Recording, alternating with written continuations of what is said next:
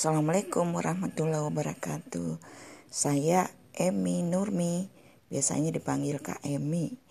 Saya mau membuat podcast khususnya untuk um, meraih berkah, untuk hidup kita lebih sejahtera.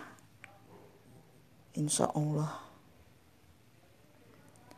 Dan semua podcast yang saya buat mudah-mudahan juga berberkah untuk kehidupan kita lebih lanjut.